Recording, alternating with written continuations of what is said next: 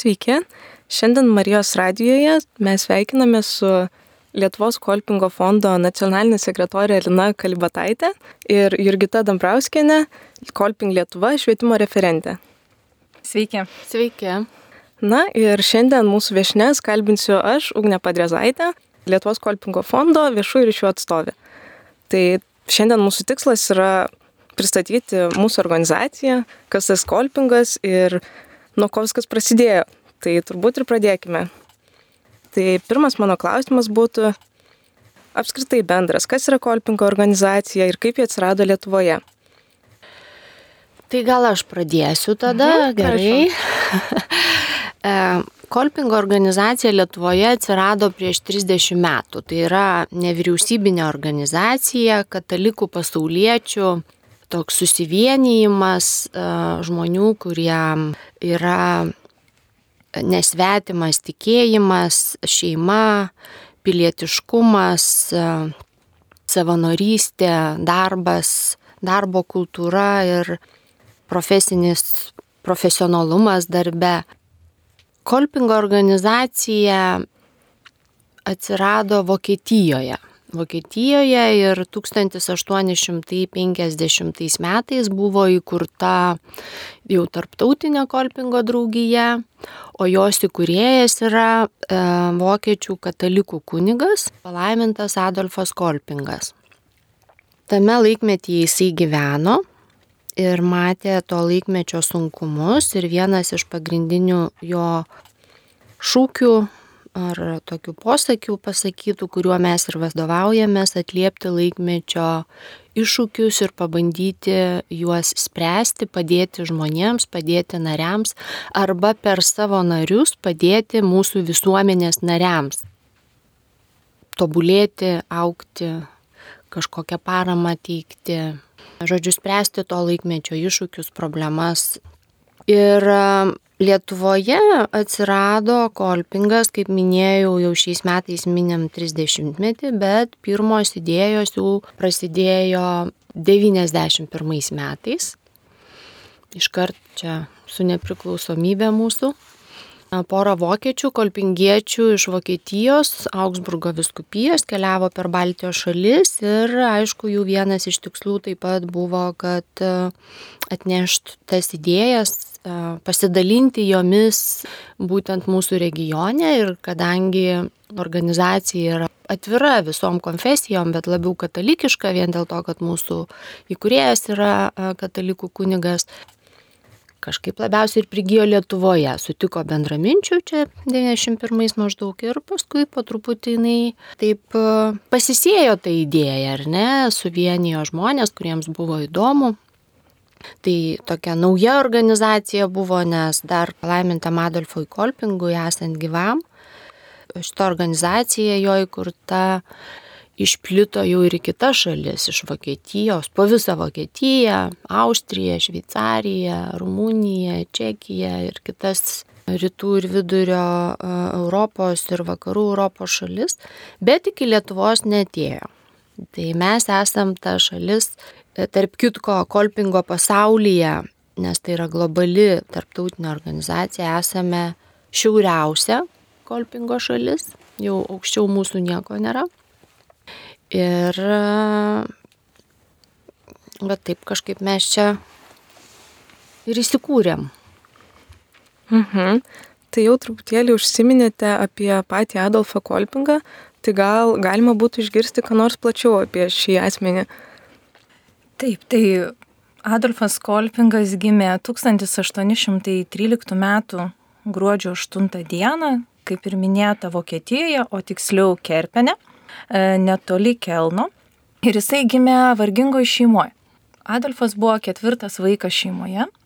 E, jo tėvas buvo aviganis, jisai ganė avis, prižiūrėjo kitų žmonių avis ir pats Kolpingas nuo vaikystės buvo ganėtinai arti skurdo. E, jisai mokėsi iki 12 metų, tol, kol galėjo leisti šeimos finansinės galimybės, o po to taip pat pradėjo padėti tėvui ganyti avis nors jau per tuos pirmus 12 metų labai išaiškėjo jo polinkis skaityti ir meilė knygoms.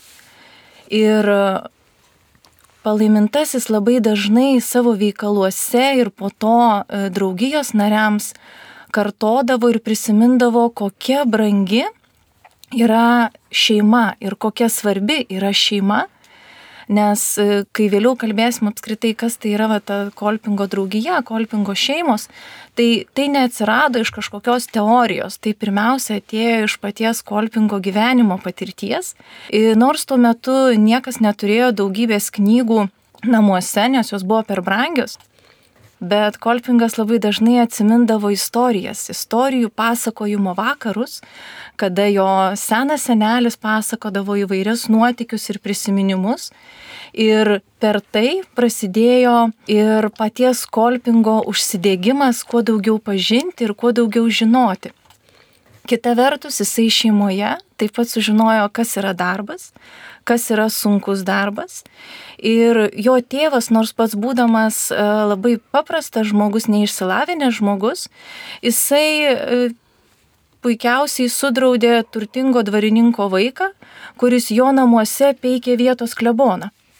Todėl nepaisant to, sakytume, išprusimo knyginio, jo tėvas turėjo daug vertybių ir turėjo tvirtą charakterį ir mokino savo vaikus pradėti darbą ir baigti darbą su Dievu ir būti pagarbiu vienas su kitu. Tai šitai prasidėjęs e, Kolpingo gyvenimas mokykloje, po to tapus paganių savis, vėliau pereita prie batsiuvystės, tai kas buvo populiaru tais laikais. Ir jisai iškeliavo mokytis, tapo pameistriu ir sužinojo ir dar geriau pažino, ką reiškia tas sunkus darbas, jautė stiprią vidinę kovą, e, gyvendamas tarp vietinių žmonių, matydamas, kiek yra daug blogybių aplink jį, kiek daug yra pagundų, kiek daug yra pykčių, kiek daug yra apgavyščių ir ta patirtis labai stipriai formavo jo charakterį ir jo požiūrį, bet niekaip neužgesino jo troškimo mokytis, todėl būdamas 25 metų sukaupęs pakankamai pinigų jisai pradėjo mokytis Marcelio gimnazijoje su vietos 12 mečiais. Tai reiškia, turime žmogų, drąsų žmogų, kuris siekia savo tikslų, nepaisant to, kad visiškai netitiko tuometinių normų. Jau matome tą drąsę prigimti, užuomasgas drąsaus žmogaus, kuris po to sukuria draugiją, kuri keičia visuomenės tikrovę. Vėliau išsimokslinės Jisai toliau studijavo, dirbo ir 1845 metais buvo išventintas į kunigus. Tai šiuo atveju čia reikėtų ir sustoti, nes jau po to netrukus galima būtų ir pradėti pasakoti apie pirmasias Kolpingo įsteigtas draugijas. Hmm, tai Lina jau truputėlį užkabino ir papasakojo apie pačią organizaciją Lietuvoje ir apie tarptautinį ir kad daugelie šalių yra įsikūręs kolpingas, na, tai vis dėlto gal dar norėtume išgirsti kokių nors užtvirtinimų, kokie esminiai galbūt skirtumai, kas vienyje visas organizacijas, na, nes tikrai labai šalis skiriasi ir savo kultūromis, ir žmonės skirtingi, na, tai įdomu tiesiog pažvelgti, ar yra esminių kokių nors skirtumų ir kas yra tarptautinis kolping. E, tarptautinis kolping yra mūsų skėtinė organizacija, kuri apjungia visas 60 e, šalių, 60 pasaulio šalių, praktiškai visuose kontinentuose, esančių kolpingiečių, tos organizacijas e, su per 400 tūkstančių narių iš viso. Ir e, kaip jau supratom, tai yra narius vienijanti organizacija, tai yra pavienių fizinių asmenų organizacija paplitus po visą pasaulį. Ir be abejo, pirmiausia, pirmosios tos idėjos ir, ir veiklos prasidėjo Europoje, bet nuo 1968 organizacijai augant ir stiprėjant, jį išplito ir į kitas pasaulio šalis, kitus kontinentus, kaip ir į Ameriką, Šiaurės ir Pietų, ir Afriką, Aziją, yra buvę ir Australijoje, bet šiuo metu jau nėra. Tai toks atsirado tarsi nauja kolpingo kryptis veiklos, ne tik uh, darbas ir švietimas jaunimo, pameistrių, kolpingo laikmečių, bet ir orientacija į jaunimą profesiniam švietime, sakykime, kaip viena iš krypčių, bet e, su ta plėtra į platesnius e, vandenys į kitas šalis atsirado ir vystomo bendradarbiavimo arba paramos, humanitarnės paramos projektai tose šalise, kur reikėtų ir tebe vyksta stipriai projektai padedantis išgyventi nepriteklių. Ir e, per kolpingo narius tose šalise padedama žmonėms susikurti darbo vietas ir oresnį gyvenimą. Tai vad kolpingo organizacija, ta tarptautinis kolpingas yra toks, nu, labai daugelypis ir šiaip svarbi organizacija, kadangi ji taip pat turi savo patariamą į balsą jungtinių tautų darbo organizacijoje, prie Europos tarybos taip pat ir įvairiuose jungtinių e, tautų komitetuose. Ir Tarptautinis kolpingas, kaip Jurgita minėjo, yra įsikūręs Kielne, ten e, šalia minoritų bažnyčios, kur palaimintas Adolfas kolpingas yra palaidotas, praktiškai pačiam centre, miesto širdyje. Kas mus vienyje? Mus vienyje pirmiausia tai palaiminto Adolfo kolpingo pagrindinės idėjos, pagrindiniai principai. Tai yra tikėjimas, asmeninis santykis su Dievu ir puoselėjama meilė artimui. Taip pat mus vienyje požiūris į šeimą, kuriuose stengiamės būti gerais tėvais, mamom, vaikais, seneliais ir kitais nariais šeimos. Mus vienyje pilietiškumo jausmas, socialinės atsakomybės, sąmoningos lyderystės, meilės tėviniai jausmas. Ir taip pat mums yra labai svarbu būti kuo geresniais profesionalais, sakykime, ar ne, savo srities, savo darbe, kad galėtumėm ir norėtumėm palaikyti tokį nuolatinį asmeninį ir profesinį tobulėjimą, kūrybiškumą, kad būtumėm naudingi savo, visuomeniai ir per savanorystės veiklas, nes praktiškai mūsų nariai yra savanoriai, ar ne, žmonės, kurie aukoja savo laiką padėdami, prisidėdami prie tam tikrų a, tikslų mūsų organizacijos, bet tuo pačiu ir padėdami visuomeniai. Tai a, pat mus vienyje simbolika. Mes turim labai gražų ženklą, ką raidė, oranžinė ir juodos spalvos. Ir tas ką ženklas toks yra mūsų pagrindinis simbolis, kur jau tu pamatai ir praktiškai kaip broliai ir seserys jaučiamės čia. Mes kaip krikščionis, katalikai ar ne, taip pat esam broliai ir seserys Kristuje, bet kolpingo pasaulyje, mūsų to dideliai pasauliniai kolpingo šeimoje mes taip pat vadinam save vieni kitus broliais ir seserimis kolpingo broliai ir kolpingo seserys. Tai toks labai yra gražus, artimas sveikinimasis ir jausmas, ar ne, kada tu tiesiog nejauti to tokio kaip ir um, didelio atstumo vienas su kitu susitikęs. Tarkim, vat pas mus mes, mūsų kolpingo organizacija, nacionalinis biuras yra Kaunė senamestyje Tai dažnai, tarkim, vokiečiai ar kokie kiti lenkai, kolpingiečiai atvažiavę į ekskursijas po Lietuvą, eina čia Kaune, pamato kolpingą ir būtinai užeina. Eina, o mes iš kolpingo ten, iš ten, iš ten pasisveikina. Nu, labai smagu, ar ne? Tai va, tai tas toks jausmas šeima, tikra to žodžio prasme, mes jaučiamės didelę pasaulio šeimą kolpingiečiai. O skiria mus tai atstumai, vandenynai, tikrąją tą tiesioginę žodžio prasme, ar ne, nes Lietuva mes esam šiauriausiai nutolę, kur nors, kai reikia keliauti, tai mums labai jau ten užtrunka laiko, na, bet išgyvenam. Turim įvairių skirtumų, ar ne? e, juk ir kultūros skiriasi, ir kalbos skiriasi. Tarp kitko, tarptautiniam kolpingė mes turim tris bendravimo pagrindinės darbo kalbas - yra anglų, vokiečių ir ispanų.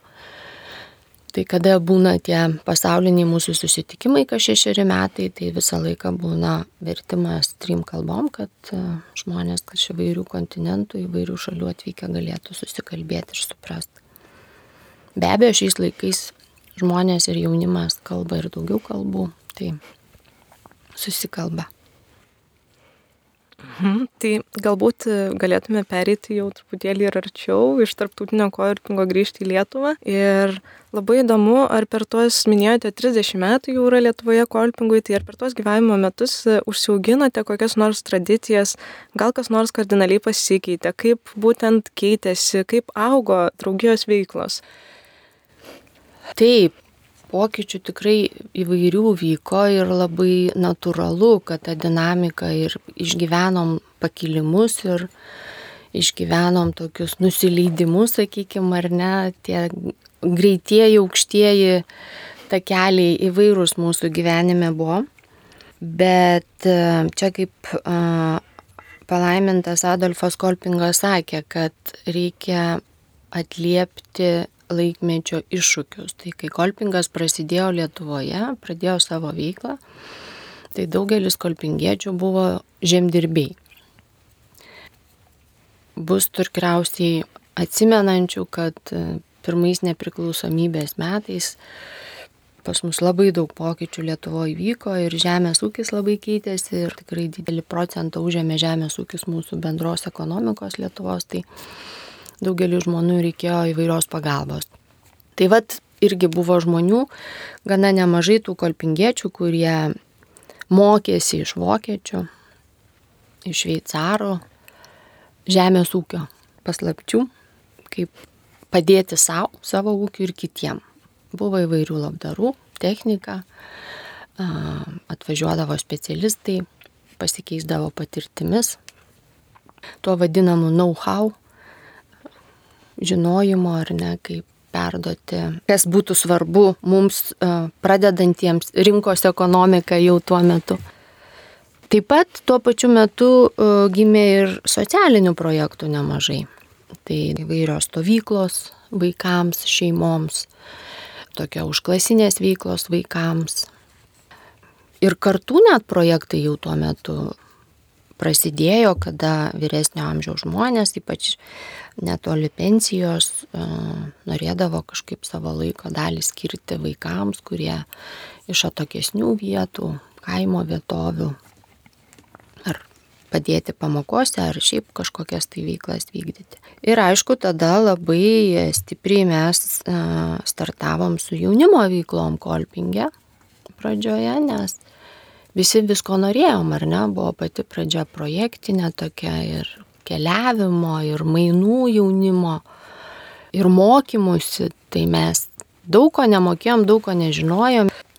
Dalyvaudamom įvairiuose mokymuose atvykdavo užsieniečių, kurie mums pravesdavo juos, mūsų apmokindavo, tada mes mokindavom. Ir, vat, pavyzdžiui, kas tikrai įsimintina, kad kolpingo jaunimas mes darėm jaunimo lyderių mokymus 10 metų, buvo labai sėkmingi ir daugelis iš tų jaunuolių šiai dienai sako, kad tai buvo pradžia jų ir karjeros, ne tik asmeninės, nors tada jie buvo moksleiviai, kokie 15-16 metų.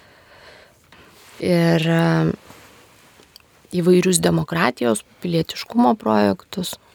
Žodžiu, labai daug įvairių dalykų ir temų vyko, e, kurios Kolpingas ir Lietuvoje organizavo, ir, ir mainus, ir jaunimas išvažiuodavo, ir kiti kolpingiečiai nariai pamatyti pasaulio, pasikeisti patirtimis su kolpingiečiais e, iš kitų šalių.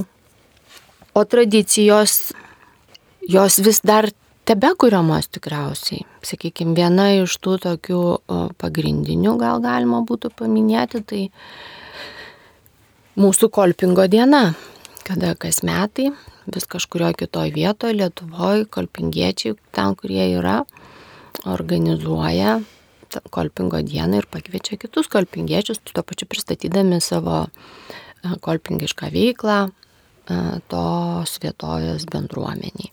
Tai galbūt tokia viena iš mūsų rimtesnių tradicijų, ar ne? Tai jau užsiminėte apie kolpingo narius ir jų veiklas ir galbūt galima būtų daugiau sužinoti, kas jie būtent yra, kaip jais tapti galima būtų, kuriuose vietose jie gyvena, randasi, vykdo veiklą. Kai palaimintasis įkūrė pirmasias e, draugijas, jos buvo skirtos, kad pameistriai rastų savo namus, kad jie turėtų užuovėją, kad jie pasijaustų kaip šeimoje ir būtų ugdomi. Šiai dienai mūsų tapatumas išlieka panašus tuo, kad mes irgi esame kaip tokios vietinės bendruomenės, narystės bendruomenės, mus vienyje bendros veiklos, mus vienyje tikėjimas kolpingo idėjom. Kolpingo narys yra panašus į Adolfą Kolpingą tuo, kad jis yra drasus. Jis yra drasus, nes jisai, kaip ir Kolpingas, norėjo, siekia tapti savo paties geriausią versiją šeimoje, darbe, visuomeniai ir kaip tikintysis. Ir mes turime labai skirtingus pašaukimus, labai skirtingus darbus. Ir kolpingė telpa visi.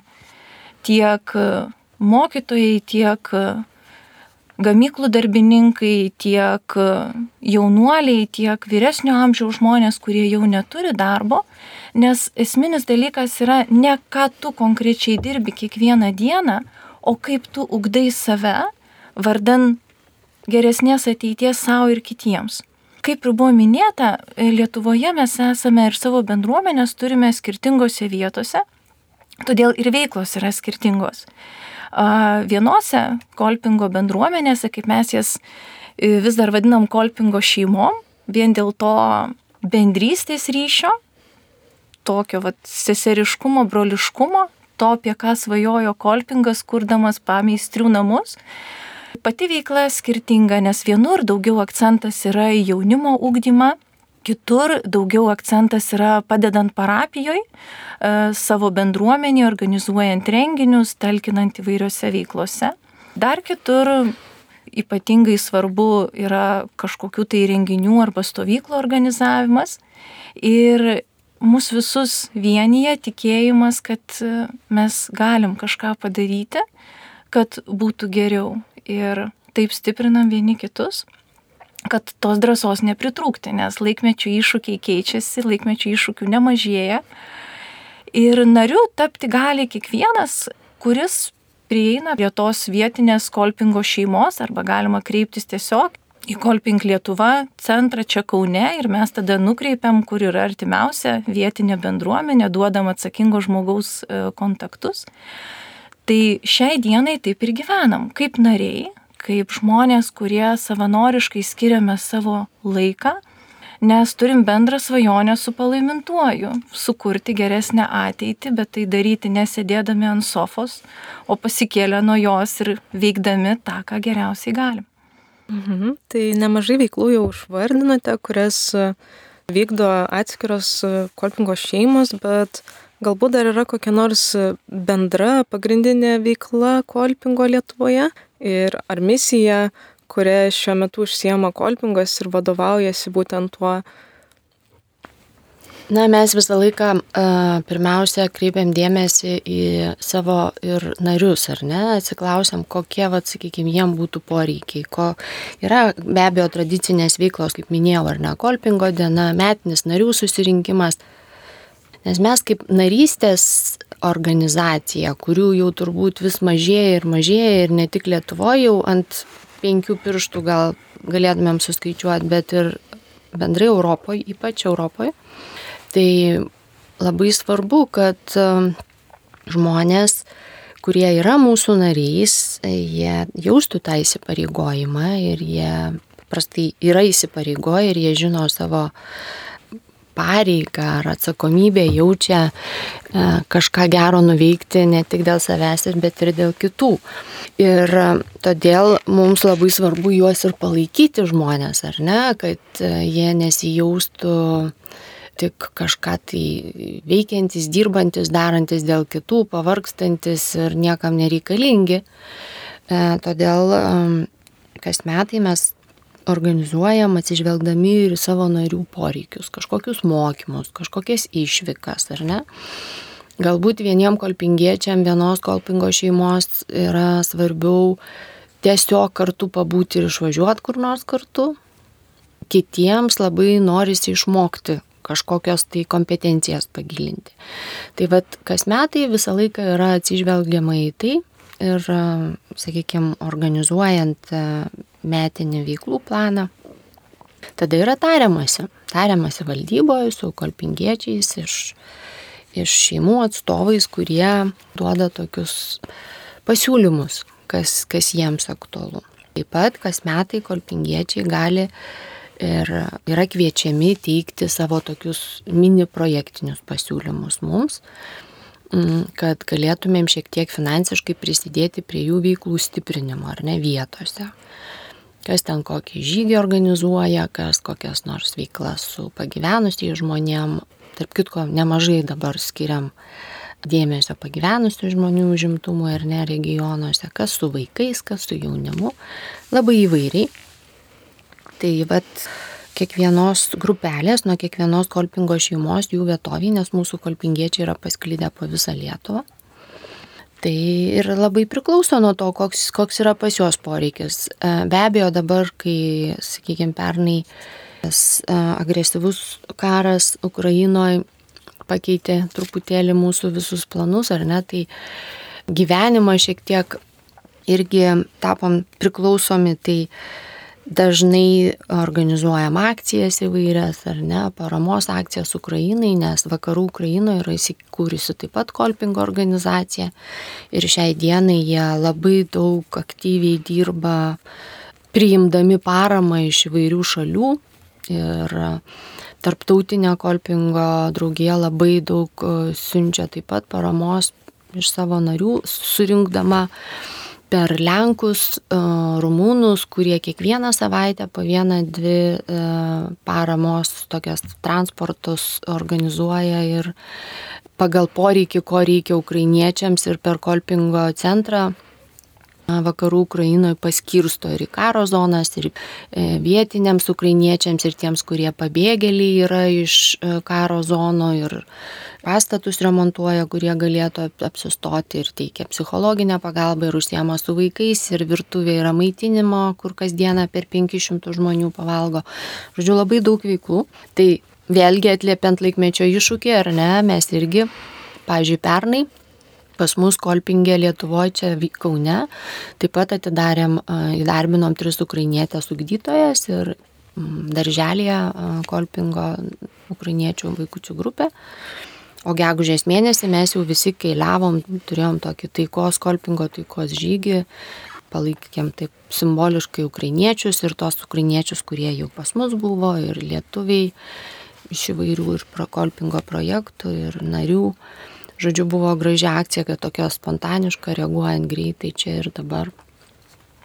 Tai vad tos veiklos tokios labai įvairia pusės ir aišku viena iš tokių svarbesnių mums kaip narystės organizacijai yra labai svarbu žmonės, žmonės, kurie norėtų rasti laiko būti naudingais visuomeniai kolpingiečiais. Jeigu kažkada labai daug žmonių turėjom narių, tai šiai dienai jų mažėja, ypač jaunimo, nes žmonės tiesiog nenori įsipareigoti, nenori skirti savo laiko gal kažkokius kitus užsiemimus ar, ar pomėgius turi.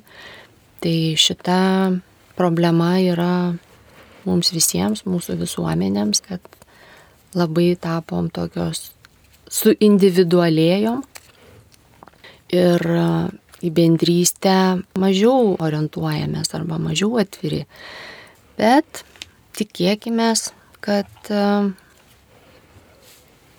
netolimoje ateityje vėl bus kažkoks pokytis ir ta dinamika mūsų organizacijoje vėl kils į viršų.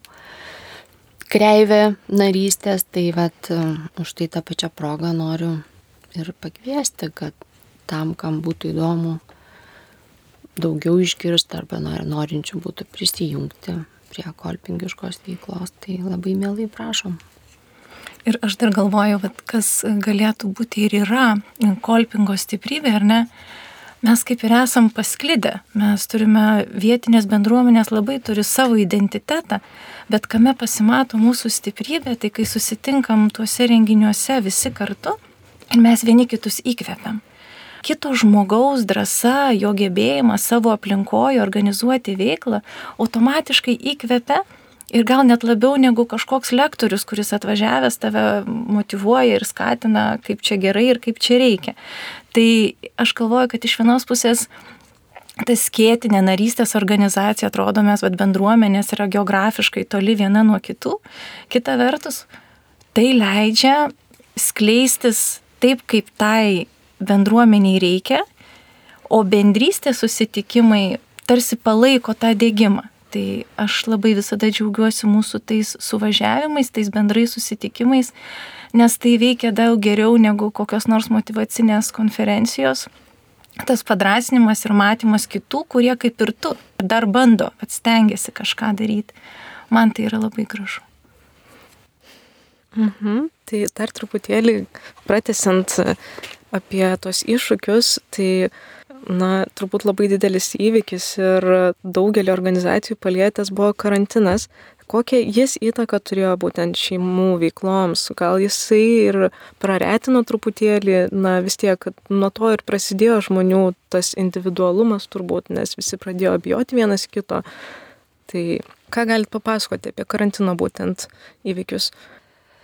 Tai tikrai karantinas turėjo įtakos ir kolpingo šeimų veikloms. Prieš pat jam prasidedant mes pradėjom tokį didelį bendruomenių aktyvinimo projektą, kuris prasidėjo ir dideliu kokybiniu tyrimu, ir didelė bendra konferencija, ir paskui įvykęs karantinas, kuris sukūrė didžiulę izolaciją, kaip ir tu mini, tarp asmenų, iš tikrųjų mus vertė performuluoti e, mūsų veiklos tikslus ir pirmiausia, ką mes padarėm atlaisvėjus visom sankcijom, tai važiavom aplankyti savo bendruomenių ir buvome progą jiems pagaliau susitikti. Mes susėsdavom prie arbatos podelio, jie sakydavo, oho, kaip mes seniai vienas kitą matėm, o šitas dar neatėjo ir šitas neatėjo, nes dar dvijo. Ir tai buvo mūsų bendruomenių stiprinimo projektas, tapo bendruomenių gaivinimo projektu. Tai pirmiausia, tai, vat, kaip ir minėjau, prasidėjo nuo aplankimo, nuo pokalbio, kur jūs esat, darėm tokias e, įsivardinimo praktikas, kokie buvo šito karantino minusai pas jūs, o vis tik tai kokie karantino pliusai ir beje ir būta tų pliusų tiek kažkas atrado tikrą draugą, kažkas atrado parapijos klebono rūpestingumą, kažkas atrado, kad uh, kaip man vis tik buvo svarbu tie mūsų susitikimai ir kaip man be mano bendruomenės skauda ir kad aš labai noriu grįžti. Ir be abejo, mes turime ir tų iššūkių, kada dalis žmonių nesugrįžo į aktyvę veiklą. Ir užtruko mūsų susitikimai, lankymai, pakartotiniai lankymai, kada uh, tiesiog ieškojom naujojo savo tapatumo, persiskaičiavę, kiek mūsų yra jau dabar. Ir šiai dienai matosi, kad jau galime kalbėti, kad karantinas yra praeitie, jau žmonės nebemini to kaip kažkokią jų kasdienybės tikrovę perkeičiančio reiškinio, jau gyvenam šią dieną, aišku, Ukrainos tikrovė labai privertė pakeisti požiūrį ar ne, kas dabar yra problemos, laikmečio iššūkis pasikeitė. Tai šiai dienai jau žengėme žingsnius toliau, bet tikrai buvome paliesti. Mhm. Na, turbūt daugelis yra girdėję apie Kolpingo kolegiją, Kolpingo pradinę mokyklą ar darželį ir, na, truputėlį jau užsiminę, tai kaip iš tikrųjų kilo mintis atidaryti šią švietimo įstaigas, nuo ko viskas prasidėjo. Galbūt planuojate ateitie kaip nors plėsti tuos projektus, ką manote apie vidurinę mokyklą ar panašius švietimo projektus? Taip,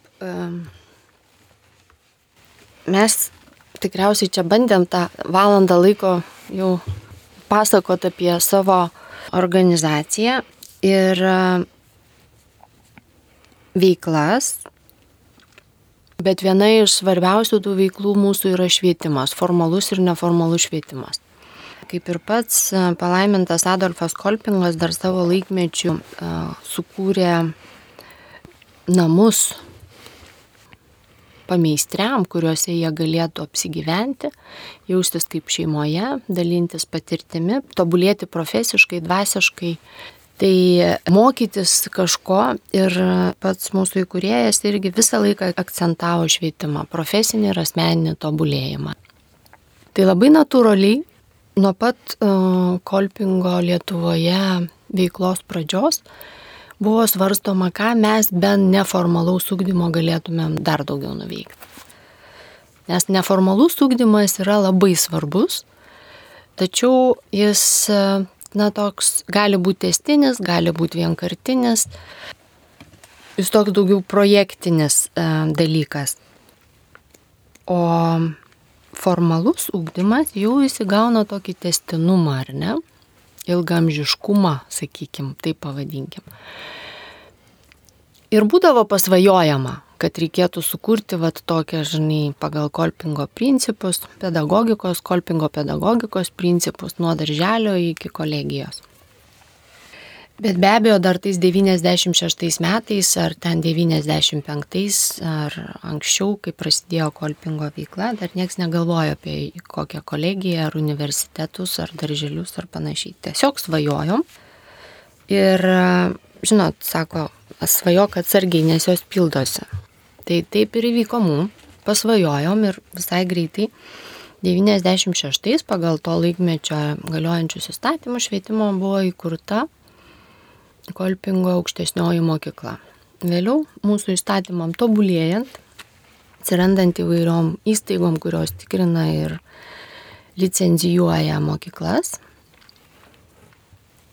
kolegija tapo aukštąją mokyklą ir gavo vardą Kolpingo kolegija jau kaip aukštoji neuniversitetinė, ką mes šiandieną ir turim. Tai vad kolegija jau Lietuvoje yra 27 metai, sėkmingai gyvuoja, išleidžia į gyvenimą nemažai studentų, sėkmingų studentų, kurie praktiškai tikrai nepasigirsiu, bet 90 procentų visi norintys jau turi darbo vietas prieš gaudami diplomą.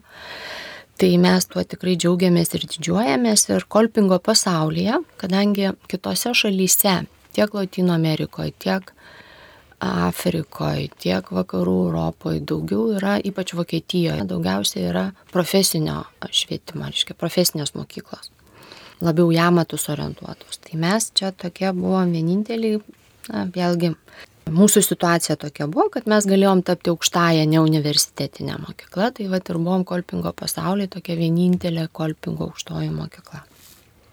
Pernai Vokietijos Kolpingas irgi atidarė Kolpingo kolegiją. Tai va, tai dabar turim jaunesnę seserį kelnę. Ir labai glaudžiai bendradarbiaujam taip pat. Bet kadangi jie dar tokie labai jauni, tai dar mažiau tų mainų turim, bet jau, jau, jau planuojam susitikimus. Na ir uh, vėlgi įvairūs pokyčiai vyko ir toliau, augimas mūsų kaip organizacijos. Ir tada pasimatė, kad trūksta darželių ypatingai. Toks buvo turbūt bumas vaikučių. Ir 2011 Kaune atidarėm Kolpingo darželį, kuris vat, sėkmingai jau, kiek čia, 12 metų veikia, ar ne? Tada vėlgi taip susiklostė aplinkybės, kad tas noras turėti pradinę mokyklą, tokį kaip ir testinumą darželio, nes Lietuvoje vėlgi jau 10-11 turbūt čia buvo tas laikas, kada daugiau atsirado tų privačių e, švietimo institucijų. Ir pas mus tėvelių jau buvo, kurie gal sako, jūs čia ką nors toliau darysit, žinai, nes labai patiko darželis kolpingo. Na ir taip susiklosti aplinkybės, kad teko ir pradinę mokyklą atidaryti. Tai va, tai 2018 pradėjom, 2019 jau pirmieji moksleiviai mūsų žengė į Kolpingo pradinę mokyklą ir šiemet jau pirmoji karta laida ketvirtokai baigs Kolpingo pradinę mokyklą. Tai mes tikrai džiaugiamės ir didžiuojamės tuo, kad galim Kolpingo principus pritaikyti nuo mažiausio iki vyriausio. Ir jais patys dirbam, vadovaujamės dirbdami ir, ir daliname su kitais.